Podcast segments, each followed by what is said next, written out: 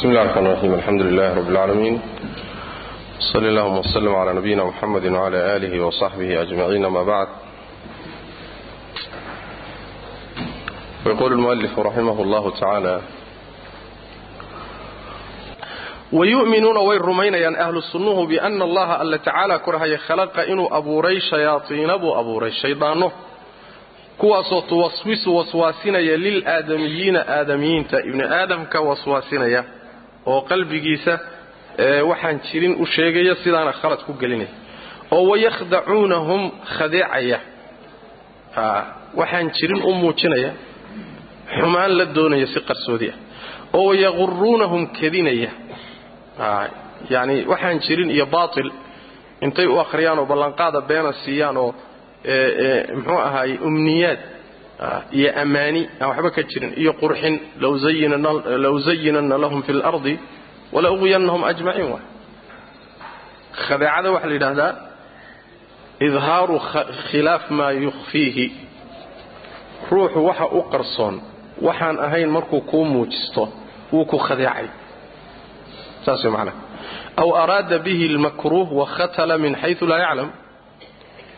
Ama wuxuu xumaan buu kula rabaa dhib buu kula rabaa. Dhibkiibuu marka wuxuu kuu gaadhsiiyey qaab aadan dareensanayn. Khidaaca noocaasa la ydhaha marka. Shayaaiintani shaqaday qabanaysa waxaa ka mida qalbigay waswaasinaysaa waxay rabtay bay ibni aadamka ugu sheekaynaysaa markay ugu sheekaynaysana way khidaacaysaa way siraysaa ibni aadamkii bay khayaanaysaa oo waxay rabtaa inay dhib gaadhsiiso min xayu laa yaclam walaa yashcur isagoon isdareensanayn oo isla qumanoo wanaag baad rabtaa isaga ay la tahay oo khayrdoon ah buu meeshaasi muxuu ahaay dhib ka gaadhsiinaya marka way khidaacaysaa wayaquruunahum yani waxaa iyadana la yidhaahdaa khadeeca iyo yani waxa weeyaan huruurku waa isku isku macno dhow yahay. Yani waxa la yidhahdaa sida qur'aanka kariimkay tilmaamay shaqooyinkay qabtaan bay ka mid tahayoo falaa taqurannakum alxayaatu اddunya walaa yagurannakum biاllahi اlharuur allah wuxuu ku tilmaamay shayطaanku inuu yahay haruur haruurka waa midka kedinta badan waay kedinta badan baa la yidhahdaa macnaha kedadana waxaa la yidhaahdaa ama qaraarada ama huruurka waxaa la yidhaahdaa khidaca la yidhahdaa khadacahu wa atmacahu bilbail baa la yidhahdaa markuu ku siro oo waxaan jirin uu kugu damacgeliyo damac buu ku gelinayaa xumaantii buu ku jeclaysiinayaa waa kuu qurxinayaa. Markaana wuxuu kuu sheegayo ee uu kugu akhriyayahay ma aha wax saxsane waa wax wax ka jirin waay. Yacni xumaantii iyo faaxishadii iyo dembigiibuu wuxuu saarayaa maro quruxsan wuxuu kaaga dhigayaa wax manaafacaad leh wuxuu kaaga dhigayaa wax aad yani wax ka helayso waa kuu qurxinaya.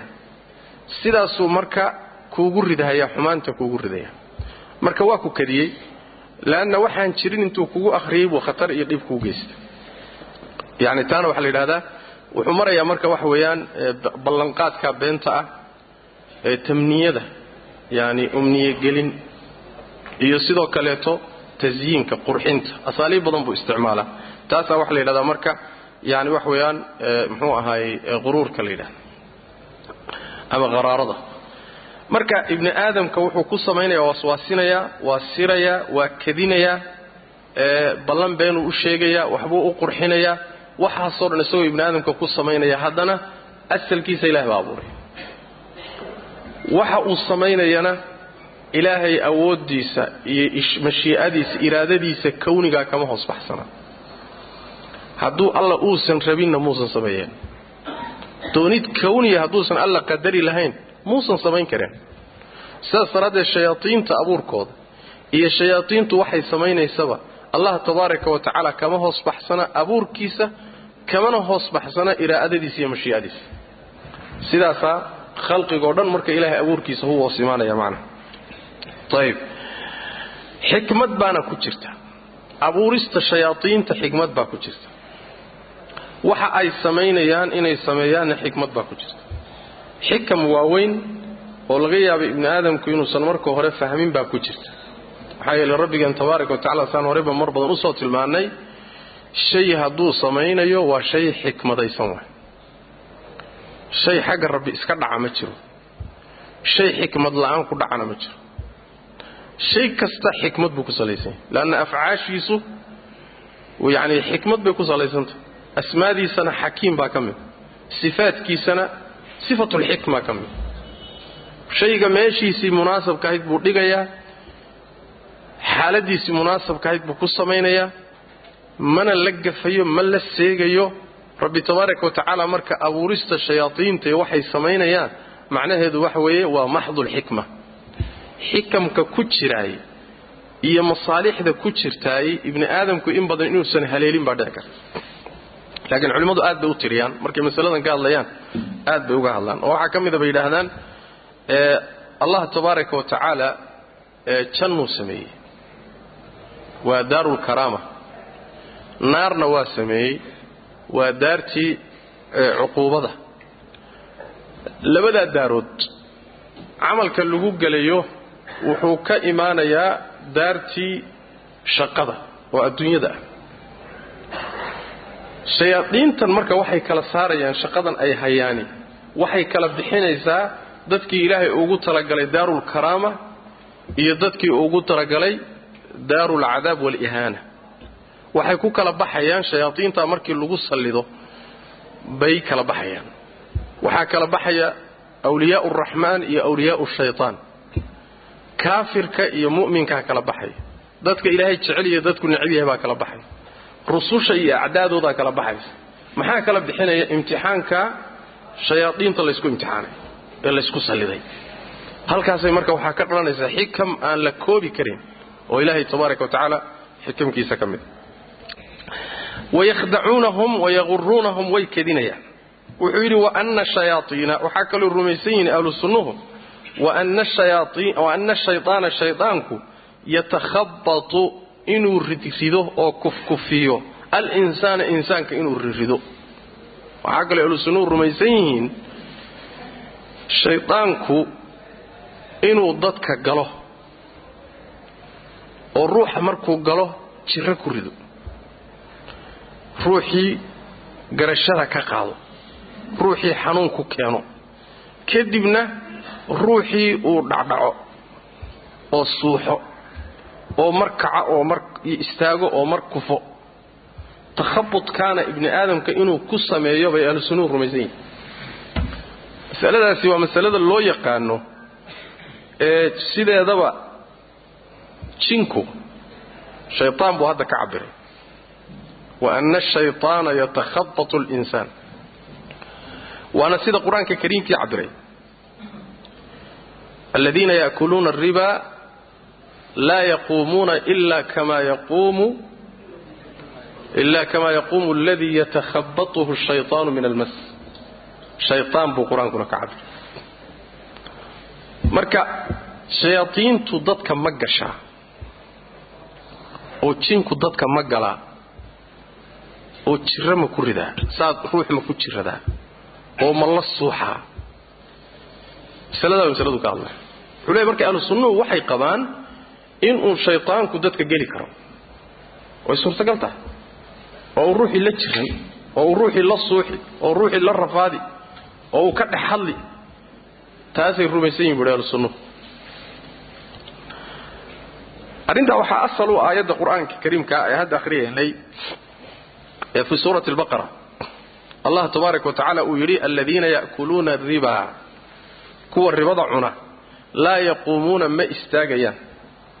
Qubuurta markay ka soo kacayaan oo qiyaamada ay qubuurta ka soo baxayaan laa yaquumuuna ma istaagayaan oo qubuurta kama soo istaagayaan ilaa kamaa yaquumu sida uu u istaago si la mida mooye alladii midka yatakhabatuhu uu kufkufinayo ridridayo ashaytaanu shaydaanku uu ridridayo min almassi waalid daraaddeed uu waalay. Masigu waa junuunka yacni gelid uu galay iyo waalid uu waalay. Ruux shaydaanku uu la rirridahayo oo la kufkufahayo oo la suuxaya sidaasoo kuwa noocaasoo kalea siday u kacaan mooye si kale ugama soo kacayaan qubuurtooda. Yani laba mar arrimood buu iyo aayaddu isu ekaysiinaysaa dadka jinku ku dhaco ee suuxa.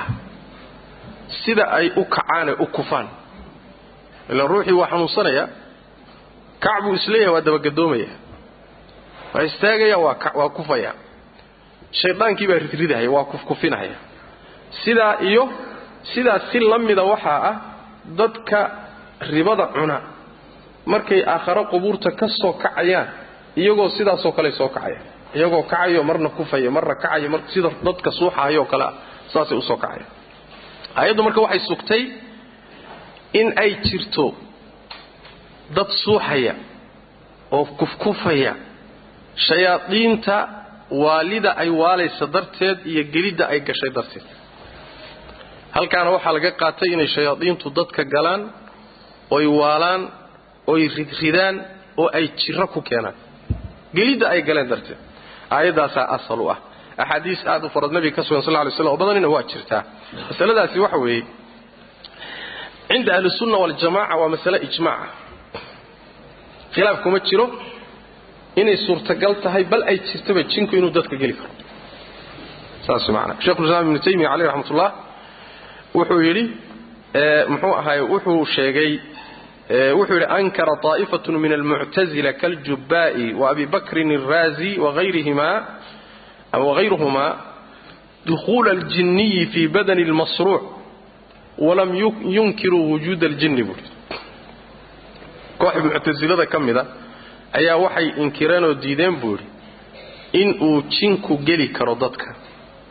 Jinka laf ahaantiisa mayna inkirin buui jiritaankiisa mayna inkirin. Lakiin waxay inkireen jinku inuu insiga geli karo oo dadka geli kara inkireen buui jubba'i iyo abubakr raazi iyo qolyo ay la mid yihiin. Wuu soo wada wuxuu yidhi yani wuxuu sheegay alimaam abu xasan alashcari fii kitaabihi maqaalaati ahlisunna waljamaca wuxuu ku sheegay maqaalaat lislaamiyiin in ay yidhaahdeen ahlu sunnuhu ina aljinniya yadkhulu fii badani lmasruuc jinku wuxuu galaa ruuxa suuxaya jidhkiisuu galaa kama qaala tacaala aladiina ya'kuluuna aribaa aayaddaasuu marka keenay markaasuu haddana wuxuu keenay wa qaala cabdullaahi bnu axmed ibnu xambal cabdullaahi bnu imaami axmed ibnu xambal wuxuu yidhi waa wiilkii imaam axmed weeye wuxuu yidhi buu yidhi qultu liabi aabbahay waxaan ku idhi inna qowman dad ayaa yazcumuuna waxay sheeganayaan ana aljinniya jinku laa yadkhulu inuusan gelin fii badani اlinsaani ruuxa jidhkiisa ma geli karo ruuxa insiga ah jidhkiisa jin ma geli karo suurtagalna ma aha wax dhici karana ma aha qola halkaa taagan baan weydiiyey buui markaasuu imaam axmed wuxuu yidhi faqaala wuxuu yidhi ay bunaya wiilkaygiiow yakdibuun buui yakdibuun been bay sheegayaan bu waa beenaalayow huwa daa yatakalamu calaa lisaanihi buui waaba kanba waaba markhaatimo doontaba. Jinkiibaaba ruuxa carabkiisii ku hadlayaba. Labuu sidhe sooma yacni haweeney jinkii ka hadlaayo. Oo waxa ka hadlayana waa nin. Ilan dumarkii ragga soo codkooda lama kala yaqaan. Nin baa ka hadlaya hadal waaweyn. Maaha haweentii maaha lafteedii waaba kanba ilmo yar oo ruux ka dhex hadlaayo. Soomaali aan weligii waxba garanayno ingiriis mid ku hadlaya kaa dhex hadlaya weligii wax ma dhiganin ingiriis ma yaqaano carabi ma yaqaano mid carabi yaqaana ama talyaani yaqaanaa ka dhex hadlaya talyaanigiibu wuxuu ugu hadlayaa si dalaaqa ah huwa daa yatakalam bilisaanihi waay waxaan carabka ruuxa isticmaalaya ku hadlaya waa wax ku dhex jira isagii maaha marka wax la inkiri karaba ma aha bule imaam axmed caleyh raxmatullah waa masale iska cad. Wax la inkiri kara maaha masaladaasi meel kale ibnu taymiya caleyh raxmatullah wuxuu soo guuriyey inay ijmac tahay waana sidaa ficlan.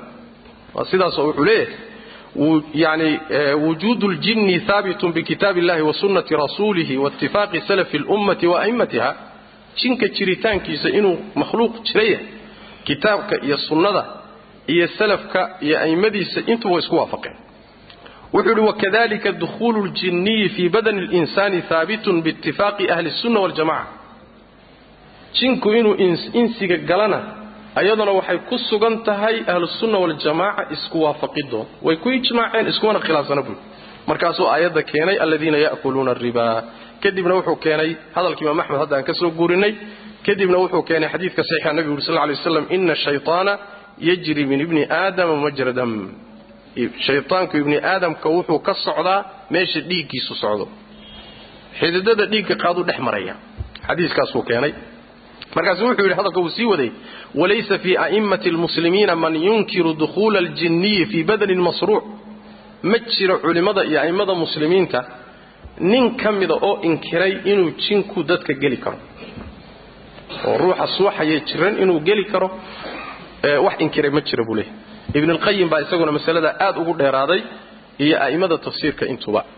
Marka wax weeyaan waa masalo laysla ogol yahay. Alimaamu shawkani caleyh raxmatullah wuxuu isaguna yidhi aayaddaa suurat lbaqara markuu ka hadlay wafi laayati daliilun cala fasaadi qowli man qaala ina asarca laa yakuunu min jihati اljin wazacama anahu min ficli اabaa'ic inaysan arrinkaasi jirin ayay daliilutahay sheekh ibnu baaz caleyh raxmat ullah risaal uu leeyahay mowduuca ku saabsan oo la yidhahdo idaaxu lxaq fi dukhuuli اljiniyi fi اlinsiyi wاlraddi cala man ankara dalika yani risaaladaasi waa risaalo matbuuca si madax bannaan baa markii hore loo daabacay markii dambena waxay ku jirtaa kitaabkan lagu ururiyey sheekha fataawidiisa iyo rasaa'ishiisa oo la yidhahdo majmuucu fataawa wa maqaalaatin mutanawica nin la yidhahdo cali tontaawi buu ku radinaya cali tontaawi oo arrinta inkiray buu risaalada ka alifay sheekh ibn baaz caleyh raxmatullah oo uu ku radinaya macana warka murtidiisu waxa weeye gelitaanka inuu jinku dadka gelayo oo uu yacni ka dhex hadlayo oo uu suuxinayo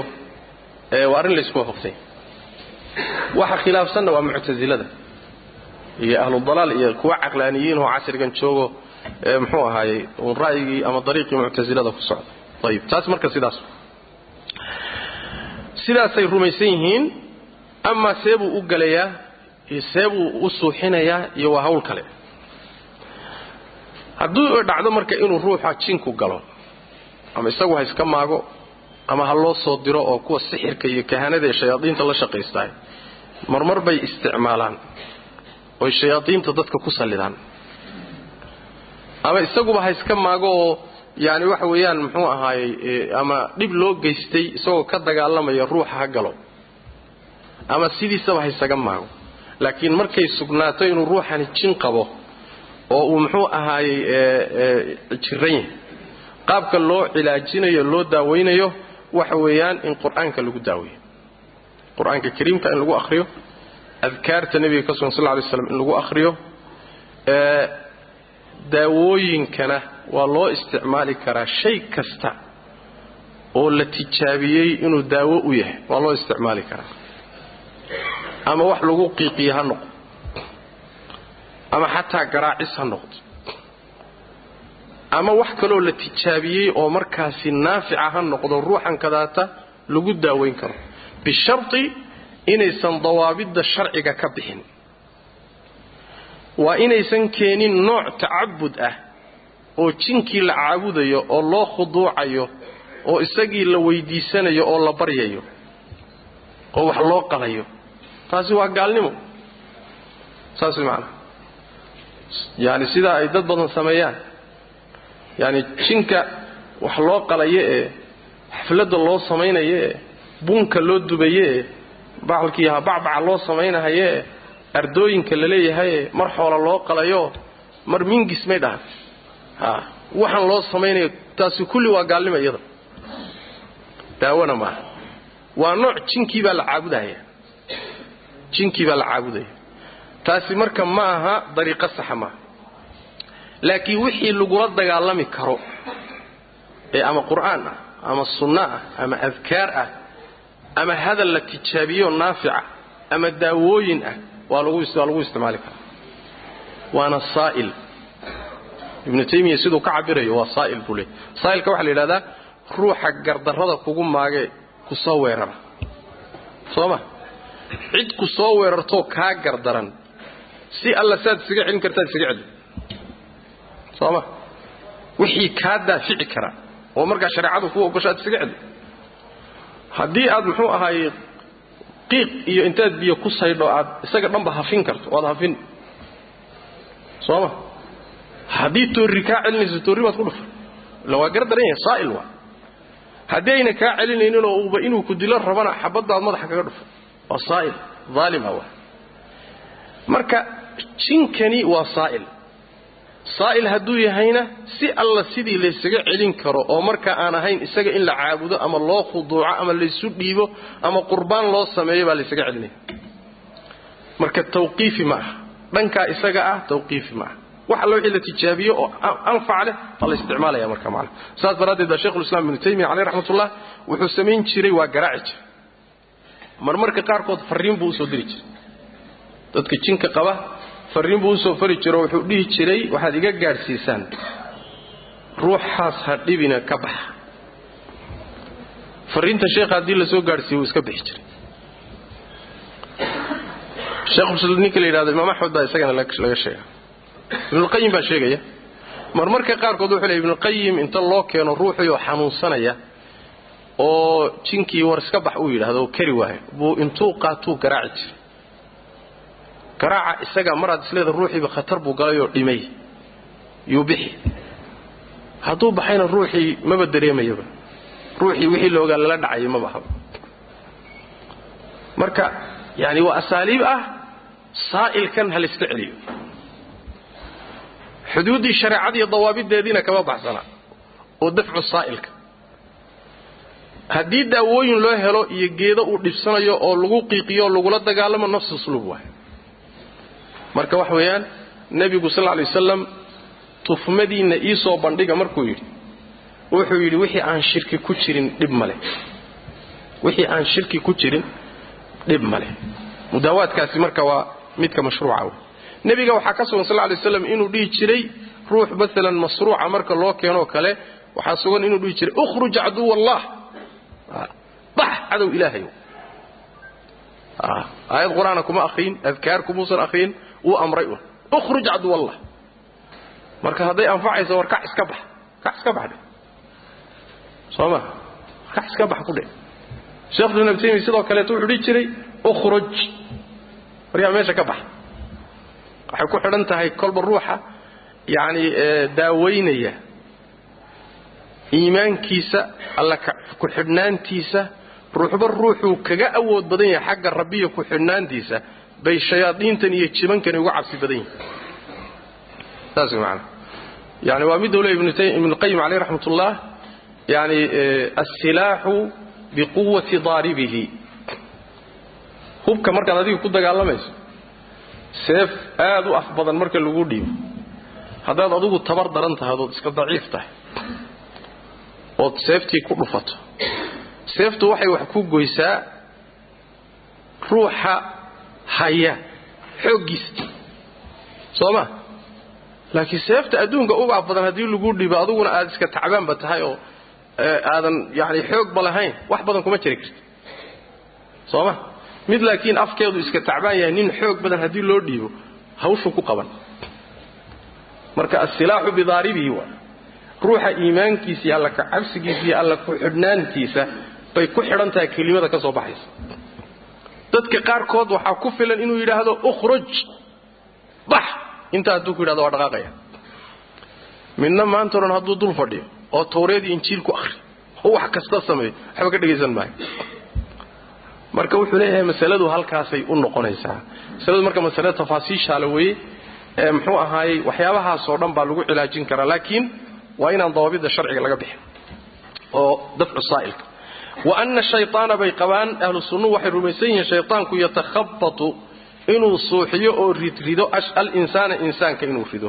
Meeshaasi shayaadiinta keliya meehe jinkoo dhan jinkoo dhan. Jinku waa laba nooc waa laba nooc oo jin waa magac guud. Jin waa magac guud. Shayaadiinna waxaa la yidhaahdaa jinka gaaladiisa.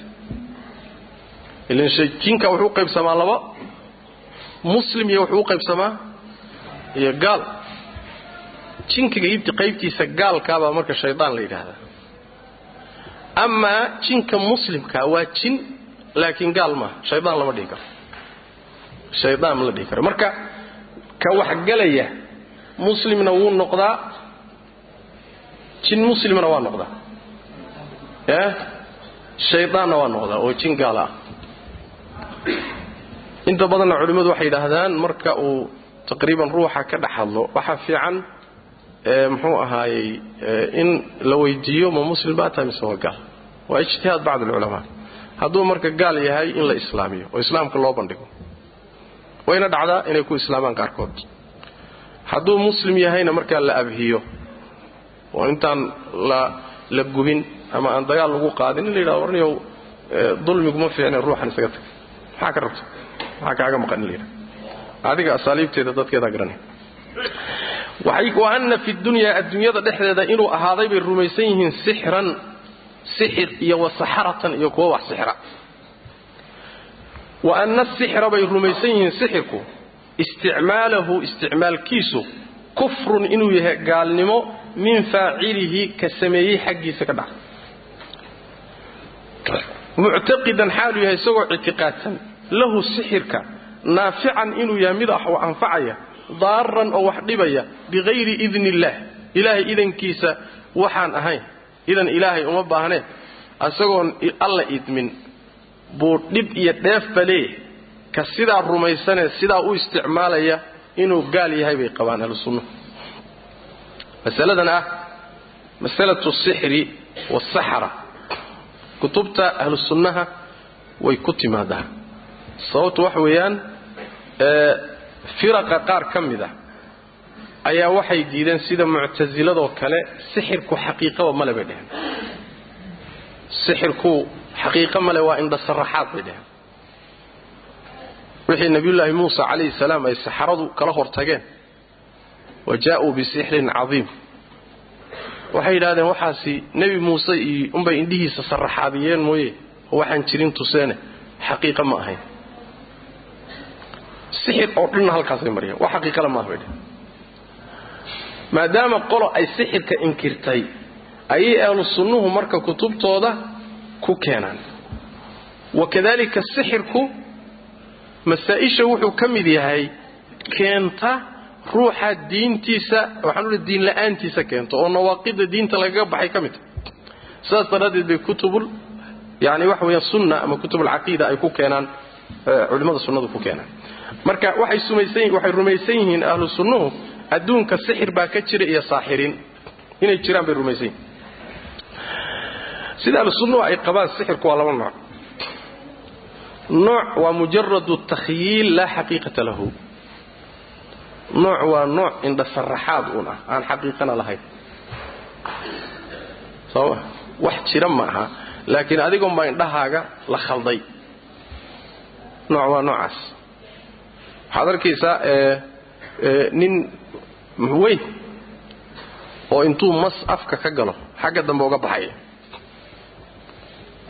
Wax jira ma aha. Dadka unbuu tusayaa mooye lakiin xaqiiqo jirta maaha mid waxaad arkaysaa dab holcaya intuu dhex maro buu isagoo fayow buu dhanka kale ka istaagahaya dadka unbuu indhasaraxaadiyey mooye xaqiiqo jirta maaha marka sixirka qaar noocaasoo mujarad indhasaraxaadaa jira oon xaqiiqo lahayn. Nooca labaad waxay leeyihiin xaqiiquu leeyahay takhyiil ma ahe xaqiiquu leeyahay. Waa wax jira. Waana wax rabbi tabaaraka wa tacaala abuuray. Waana xaqiiqo jirta wa waana midka saamaynta ku yeelanaya dadka. Waxaad arkaysaa ruuxii markii la sixro waa jiranayaa. Soo ma waa dhimanayaa sixirkii baaba dilayaba. Waa waalanayaa hadduusan xaqiiqo ahayn ma waxbuu dili lahay maya lalama jiradeen wax ma dileen wax ma waaleen hadduu indhasaraxaad keliya yahay marka qayb ka midoo waxaa jirta xaqiiqo ah. Qayb ka midana waa indhasaraxaad sidaas wey madhab ahlusunna ayib masaladaa markuu ka hadlay kadib baa wuxuu yidhi waxaa kaloo ahlu sunnuhu rumaysan yihiin isticmaalka muxuu ahay adiga qaababkuu ku yimaado way fara badan yihiin hadda ma sii dhexgelayo laakiin muhiimadda uun wixii sharcan wixii shareecada uun ka qabto unbaa sida imaamku ku gaabsaday baan ku gaabsanayn. Laakiin sidee buu ku yimaadaa sixirka iyo tafaasiil bay leedahay. Isticmaalka sixirku waa gaalnimo buu yidhi oo ruuxa sixirka isticmaalaya dadka ku sixraya waa gaal goormuu gaal yahay. Bimacnaa waxa weeyaan sixirku wuxuu ka mid yahay buu leeyahay nawaaqidda diinta lagaga baxo.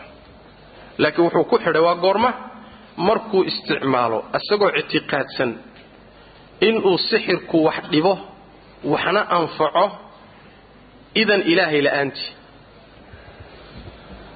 isagoon alla idmin sixirka in dhib lagu geysan karo oo idanka ilaahay uu dhaafi karo ama in dad lagu anfici karo isagoon alla idmin hadduu sidaa ictiqaadsan yahay sidaana ku isticmaalo waa gaal buuri suuradaa iyada ah oo ruux noocaa ictiqaadsan sixirna isticmaalaya inuu gaal yahay waa ijmaac bal hadduusan isticmaalin ictiqaadsanaanta uu ictiqaadsan yahay rumaysan yahay sixirku waxbuu dhibaa dheefna waa keenaa alle idankiisana uma baahna oo idanka alle la'aantii buu samayn karaa. Intaasaa waa gaalnimaa isticmaalba intaan la gaadhin. Limaada? Leanna waxa weeyaan waa sugid la sugayo shay ilaahay awooddiisa ka baxsan oo saamayn leh.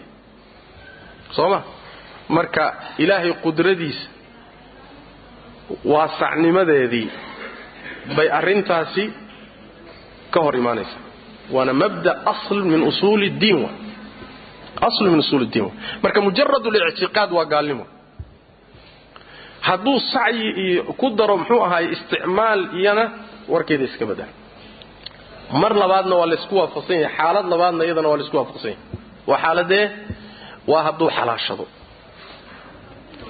Wuu isticmaalayaa waa saaxir dadku sixraa haddana wuxuu leeyahay waa ii xalaal aban ku shaqaystaaba war waxaan iska daa waa xaaraame sheekh xalaal wey. Annagaa oginuu xalaal yahay waa bannaanya waa qaab muxuu ahay lagu shaqaysto wey. Hadduu xalaashadana iyadana bilijmaac waa gaal. Layskuma khilaafsana inuu murtad yahay diinta ka baxay. Ayib waxaa timid marka isaga oo rumaysan inuu xaaraan yahay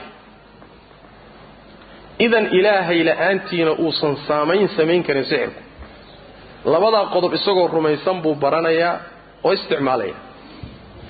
Markaa xukunkiisu muxuu yahay? Markaasay isku khilaafayaan a'immadu xaaladaasay khilaafiyata ma xalaashanayo wuxuu rumaysan inuu xaaraan yahay shareecada xaaraan ku yahay? Ta labaad wuxuu rumaysan yahay inuu alla idmo mooyaane idan alle waxba ma samayn karo sixirku asagoo taar labadaaba rumaysan buu haddana samaynaya isticmaalaya baranaya. Xaaladaas ayay marka a'immadu isku khilaafsan yihiin xaalkiisu wuxuu noqonaya. Saddexda imaam waxay isku waxay isku waafaqsan yihiin in uu gaal yahay. Waa maalik abu xaniifa iyo axmed. Bal iskaba dhaaf isticmaalkee barashaduuba ku gaaloobayaa bay leeyihiin isticmaalka warkeeda u kaadi. Barashada inuu sixirka barto. Barashada laf ahaanteedaaba kufri ah oo riddo ah oo naaqid min nawaaqid alislaami ah alimaamu shaafici caleyh raxmatullah isagu tafsiil buu gelinaya. Wuxuu leeyahay masalada wuu kala qaadaya. Wuxuu leeyahay waa sida xashiyada ku taale saabuni hadda uu meeshan ku qoray waa madhabka imaam shaafici caleyh raxmatullah wuxuu leeyahay imaamu axmed imaamu shaafici waxaan leenahay markuu wax ku sixro horta barashadiisu sixir gaalnimo maaha hadduu isticmaalo waxaan leenahay sif lanaa sixraka. War sixirkaaga aada isticmaashay bal noo sife maxaad isticmaashay? Hadduu noo sheego wax gaalnimo keenaya oo maalan xidigaha iyo jimanka iyo makhluuqaad uu caabuday sidaana sixirku ku yimid hadduu sheego wax gaalnimo keenaya markaasaan gaalnimadiisa xukumayna. sixirkiisa markuu noo sifeeyo haddii uusan aynan ka muuqanin wax gaalnimo keenaysana ma gaalaysiinayno markaa. Marka wuxuu sameeyey baa la tafsiilinayaa la fiirinayaa la miisaamayaa mukafirna wuu noqon karaa hayru mukafirna wuu noqon karaa. Wax gaalnimo keenana waa noqon karaa wax aan gaalnimo keeninna waa noqon karaa calaa hada alasaas baa marka ama lagu gaalaysiin ama aan lagu gaalaysiinaynin. Waa madhab alimaamu shaafici calayhi raxmat ullah ayib sharti laakiin waa inuusan xalaashanin waan soo marnay. Hadduu xalaashado ama uu yidhaahdo idan alle la'aantii buu wax samaynaya sixirku taa waa labada xaalo waan soo marnay macna. Ayib masaladaasi waa tahay. Khilaafkaas isagoo jira. Masaladu waxay u xoog badan tahay saaxirku ama sixirka barashadiisuna waa gaalnimo isticmaalkiisana warkiisa iska baddaha biduuni tafsiil. Iyadoon la kala qaadin oo madhabka jumhuurta ah bay masaladu xoog badan tahay sidaana daahirka qur'aanka ayaa laga qaadanaya. Allah tabaaraka wa tacala fi suurati albaqara markuu ka hadlaya wuxuu yidhi waattabacuu maa tatlu shayaaiinu cala mulki sulaymaan. Wma kafara sulaymaanu walaakina shayaaiina kafaruu. Sulaymaan ma gaaloobine shayaaiintaa gaalooday. Maxay u gaaloobeen? Yucallimuuna annaasa sixra. Dadkay sixirka baraan.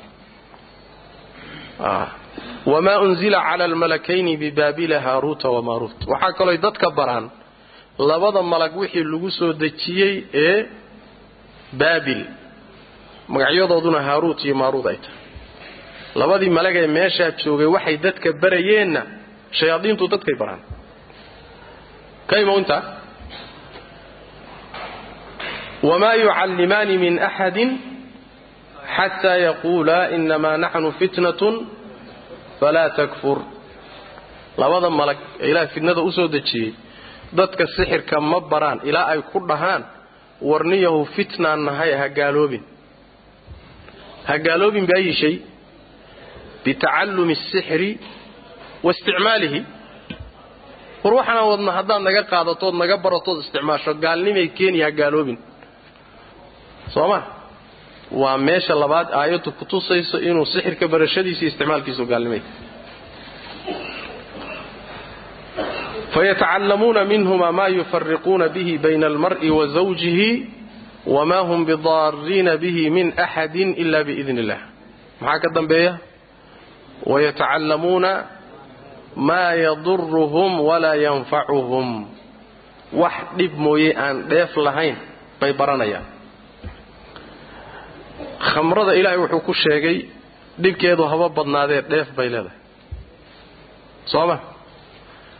Khamaarkana alla wuxuu ku sheegay dhibba ha lahaatee waxaan u jeedaa muxuu ahaayey dhibkeedu haba badnaadee iyaduna dheef bay leedahay. Laakiin waxaan dhib mooyee dheef lahayn waa gaalnimo. Soo ma waa laga sii waday waxaa la yidhi.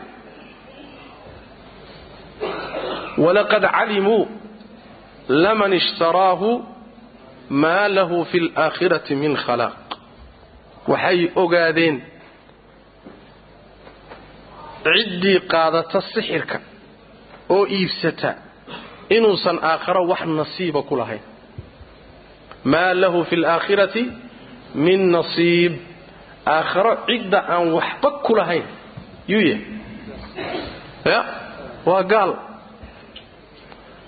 Aakharo mu'minba hadduu yahay muslim yahay dembigii kale ha ku dhintee dembi kasta uu ku dhintoon diinta ka saaraynin aakharo nasiib waa ku leeyahy laakiin ruuxaan aakharo nasiib ku lahayn haba yaraatee waa gaal. Walaqad calimuu laman ishtaraahu maa lahu fi alaakhirati min nasiib meesha kale aayaddu ay min khalaq. Sii wad maxaa ka dambeeya? Walabiisa maa sharow bihi anfusahum law kaanuu yaclamuun maxaa ka dambeeya? Walow annahum aamanuu wattaqow waxaa ka dambeeya iimaan baa loo bandhigay. Hadday alla rumayn lahaayeen. Maxaa meeshaa ka muuqda inaysan alla rumaysnayn intaasoo mawdic bay marka aayaddu ku tusaysay ku caddahay sixirka barashadiisa iyo isticmaalkiisa inay gaalnimata. Sidaasaa la raajix sawaab ayadoon la tafsiilinin la weydiinin barashada iyo isticmaalkuba inay tahay naaqid min nawaaqid alislaam. Oo ruuxa uu diinta kaga baxayo ku ridoobaya macnaha saasaa xoog badan. Masalada labaad oo aan ku darayna waxay tahay xaddiisa qolyaha qaba inuu gaal yahay waa la dilayaa bay qabaan. Qolyaha qaba ma gaaloobaya tafsiil baa la gelinna waa la dilayaa bay qabaan. Laakiin diliddii baa kale ah sababta loo dilay. Alimaam abu xaniifa iyo malik iyo axmed fi lmansuusi canhu waxay leeyihiin waa la dilayaa. Sidaasina waxa weye waa madhab saxaaba. In la dilayo waa madhab saxaaba. Yani waxay ka sugan tahay muxuu ahaayey alimaam waxaan leeyahay saxaabiga jaliilka ibnu jariir itabari bay ka soo aroortay. Sanadka dacfi baa ku jira laakiin waa ahar mawquufa la leeyahay. Xaddu saaxiri darbatun bisayf saaxirka xaddiisu sixiroolaha xaddiisu waa in seef lagu dhufto. Waa in la dilo way macana tirmidi iyo daaraqutni iyo tabrani iyo xaakim baa soo saaray waxaa kaloo kutusaya aharka sidoo kale bukhaari uu soo saaray min xadiidi bajaalat bni cabda oo uu yidhi cumar baa wuxuu qoray. Waa wareegto uu u qaybiyey amsaarta yani gobolladii waddanka uu ka telinayay buu u kala diray. Waxay leedahay oo cumar uu diray an iqtuluu kulla saaxirin wa saaxira nin kasta oo wax sixra iyo naag kastaoo wax sixirta ha la dilo. Amarkaasuu cumar soo saaray oo yani ugu kala diray ayb wuxuu leeyahay bajaala faqatalnaa alaaa sawaaxira amarkii cumar markuuna soo gaadhay markiiba saddex ruux oo sixir lagu helay baa markiiba qoorta loo yaal. Wakadalika xafsata binti cumar waxaa ka asaxay oo iyadana waxaa soo saaray imaamu maalik baa soo saaray fi lmuwaa isagoo balaaq ah balaaqaadkiisa ka mid a laakiin waxaa xidhiidhiyey bisanadin saxiix xafsata binti cumar iyadana waxaa ka sugan annaha amarat biqatli jaariyatin laha saxaratha faqutilat. Addoon ay lahayd. Ayaa waxay saxirtay xafsa xafsa markaasay amartay ha la dilo. Waa la dilay. Tafsiil mayna gelin. Saxaabadaasi saddexdaba iyo qayrkood ma aynan dhihin ha la fiiriyo sixirkiisa ma gaalnimuu keenayaa ma keenayo miisaanka ha la saaro ee amarku waxa weeyaan meeshii lagu arka ha la laayo. Masaladuna waxay salka ku haystaa muxuu ahaaye qaacidada sharciga ee dhahaysa kullu man laa yandaficu sharuhu ila bilqatli qutil. Waxay salka ku haysaa aayaddii qur'aanka ahayd aw fasaadin fi lardi leanna waxa weeyaan fasaad ka weyn ma jiro in dadka diintoodii iyo caafimaadkoodii iyo noloshoodii iyo la khatar geliyo. Fasaad ka weyn ma jiro saas daraaddeed in la laayo oo la dilo oo riddatan iyo gaalnimo loo laayo sidaasaa xoog badan. Masaladaasi marka tafsiilkaasaa ku jira. Masaladaas sixirka iyo saxarada iyo qaabka loola dhaqmayo.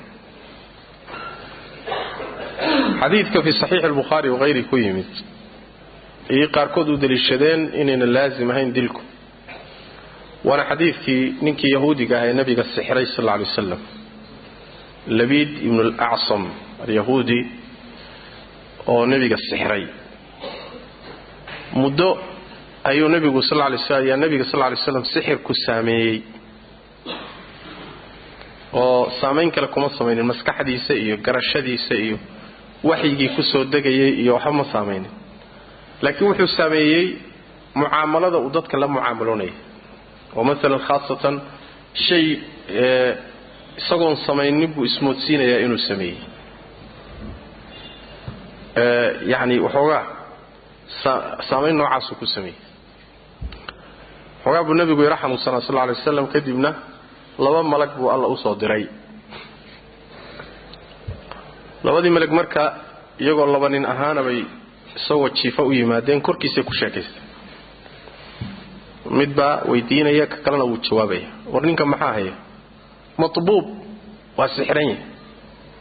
Man tabbahu oo yaa sixray. Labiid ibnu acsan baa sixray oo muxuu ku sixray?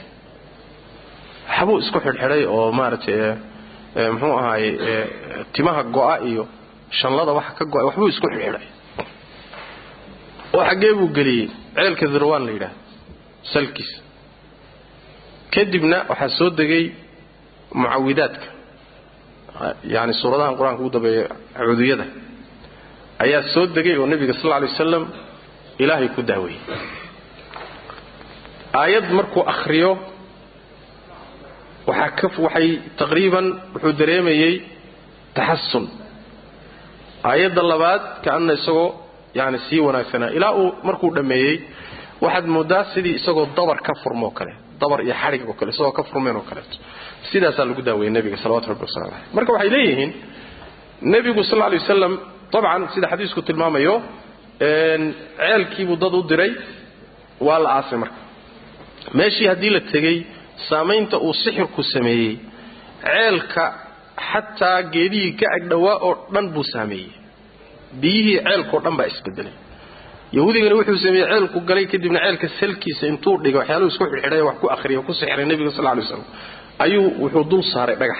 Ceelka salkiisu yaalla marka markaasuu nebigu sal lay wasalam waata caaisha weydiisata rasuul ilaahayow ninka sidaas sameeyey maad maad shaqo ka qabatid oo nebigu wuxu uhi sal lay wasalam haddiiba ilaahay caafiyey fidno furi maayo sidii isaga daya kama qaala sal lay waslam marka ninkaa muxuu nebigu u dili waayey waa saaxir e baa la isweydiiyey bacdu ahlicilmina halkaasay ka raadiyeen saaxirka inaysan laazim ahayn dilkiisu laakiin masaladu waxa weeye waa masale kaloo masaladaa waxaa la yidhaahdaa qatlu saaxir almucaahad.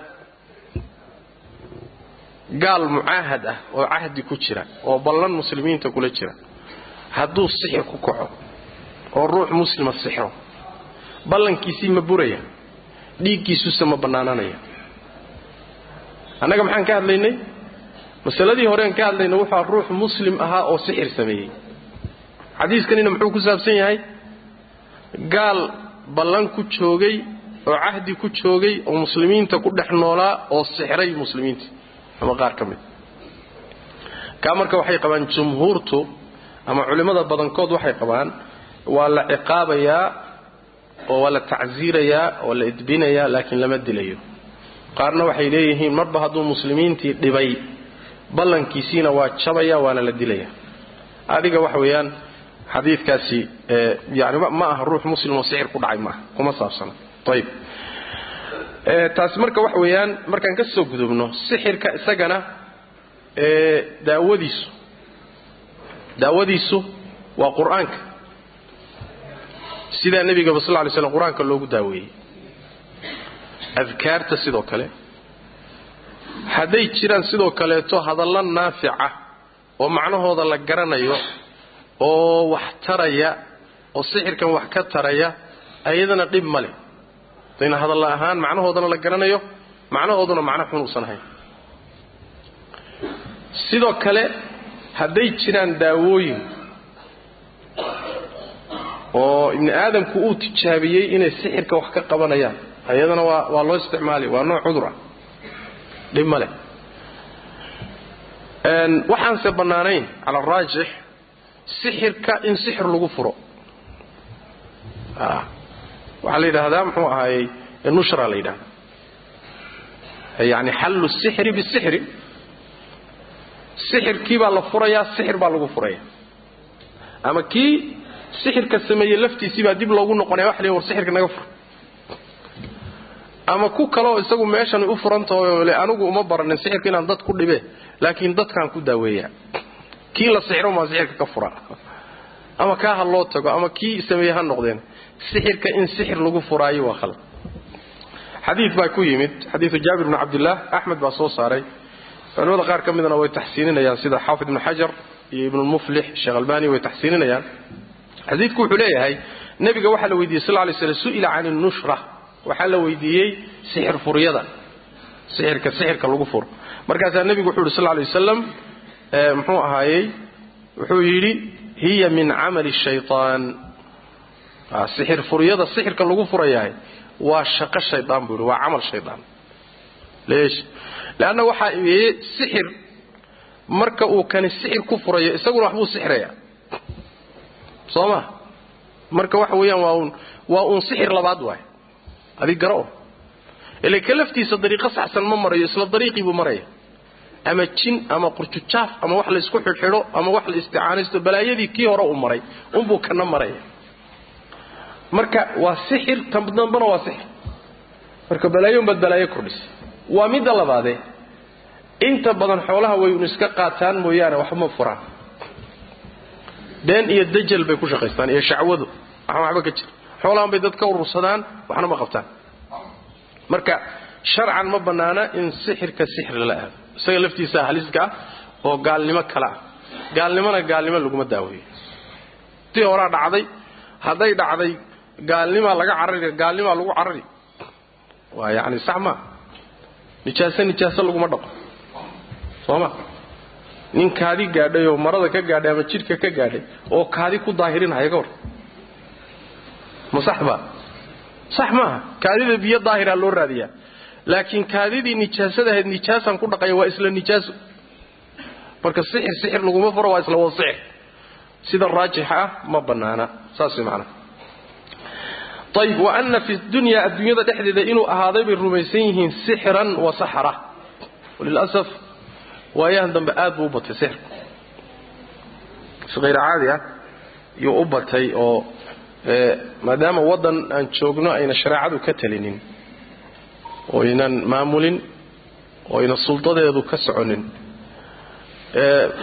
meel walbay ka furan yihiin oo boodrar baa ugu dhegan muxuu ahaay jidadka ugu dhegan inkastoy u sii badan yihiin meelahaas ee saaxilka xeebaha iyo ilaa tanzaniya iyo meelahay ugu daran yihiin wa laakiin waayahan dambe soomaalida lafteeda shaqaa laga helay. Shaqaa laga helay islaanta masayrsan ee ninkeeda sixraysa midka xooladoonka ah midka caruurdoonka ah midka jiran ee cadaawadoonka ah meeshana laynu soo dhex degay. Haddaad jidkan saa u qaadaan mungaange fulaan baa lagu leeyahy mungaange fulaan. Boodhka ugu dhegay. Nambarkaa iyo nambarkaa ka soo wac khalaas waxaa ku qulqulahaya unu sii socdo aad yaabi war maxay raadinahayaan? Waxa un baa la raadinaya. Marka waa arrin khatar ah oo halis awa dadka intooda badanna jahli baa u geynaya meelo loogu tagana way jiraan oo khaasatan dadka jiran loogu geeyo oo muxuu ahaaye khaasatan jidka mamaasiya marka la qaado meelo waaweyn baa jira oo dadku tagaan marka waxyaalahaasoo dhan waa waxyaala runtii kutusaya fasaadka jira iyo dhibka jira diin la'aan baa asal wa saaxir waxaad ka raadisay diin la'aan iyo adduunya la'aan ubaad kala soo noqon mooye. Saaxir marnaba manfaco ka keeni maysa. Habeenkii xaloo tagay mana wa ana fi dunyaa adduunyada dhexeeda waxaa ahday sixran bay rumaysan yihiin wayu'minuuna waxay rumaysan yihiin ana fi dunyaa adduunyada dhexeeda inuu ahaaday sixran sixir iyo wa saxaratan iyo kuwa wax sixra. Sixirku waa cilmigii sixirka. Saxaraduna waa jamcu saaxir oo waa dadkii sixirka samaynayay wax sixiraya wey wa ana asixra bay rumaysan yihiin sixirku isticmaalahu isticmaalkiisu kufrun inuu gaalnimo yahay oo min faacilihi ka sameeyey. Gaalnimo ka dhacday wa goormuu gaalnimo noqonayaa? Muctaqidan xaal uu yahay hadduu isticmaalo. Mid ictiqaadinaya lahu isaga ictiqaadinaya naafican inuu yahay ictiqaadinaya mid wax anfacaya daaran oo wax dhibaya bikayri idni illaah ilaahay idankiisa kayrkii wax ku dhibayo oo wax ku anfacaya. Idanka alle la'aantii inuu wax dhibayo oo wax anfacaya sixirku isagoo sidaa rumaysan hadduu isticmaalo yuu gaaloobaya leanna aayaddu maxay tidhi? Wamaa hum bidaariina bihi min axadin ila biidni illah saas maana yacni dhibka uu geysanayo xanuunka uu geysanayo dadka uu dilayo dadka jirada uu ku ridayo kullu dalika waxa weeyaan idan ilaahay wa hadduusan alla idmin haddii saxaroo dhan laysu keeno inta wax sixir iyo kuwa ugu waaweyn oo isugu kaa tagaan allana uusan idmin sixirkooda kuma qaban karo soossoos maa marka yani idan ilaahay buu wax ku saamaynaya hadduu marka rumaysan yahay idan ilaahay la'aantii buu saamaynaya marka waa gaaloobaya buui sidaana uu ku isticmaalo suuradaana waxaynu nidhi waa la isku waafaqsanya suurada labaadee la isku waafaqsanya inuu gaaloobayo waa hadduu xalaashado. Suurada saddexaad oo inuu sameeyo ama barto asagoo oo og inuu xaaraan yahay suuradaa way suurada laysku khilaafsan yahay een soo iyadana soo soo xoojinay ama aan rajaxnay iyada lafteedu inay tahay sida raajixa inay gaalnimo tahay. Hada bilahi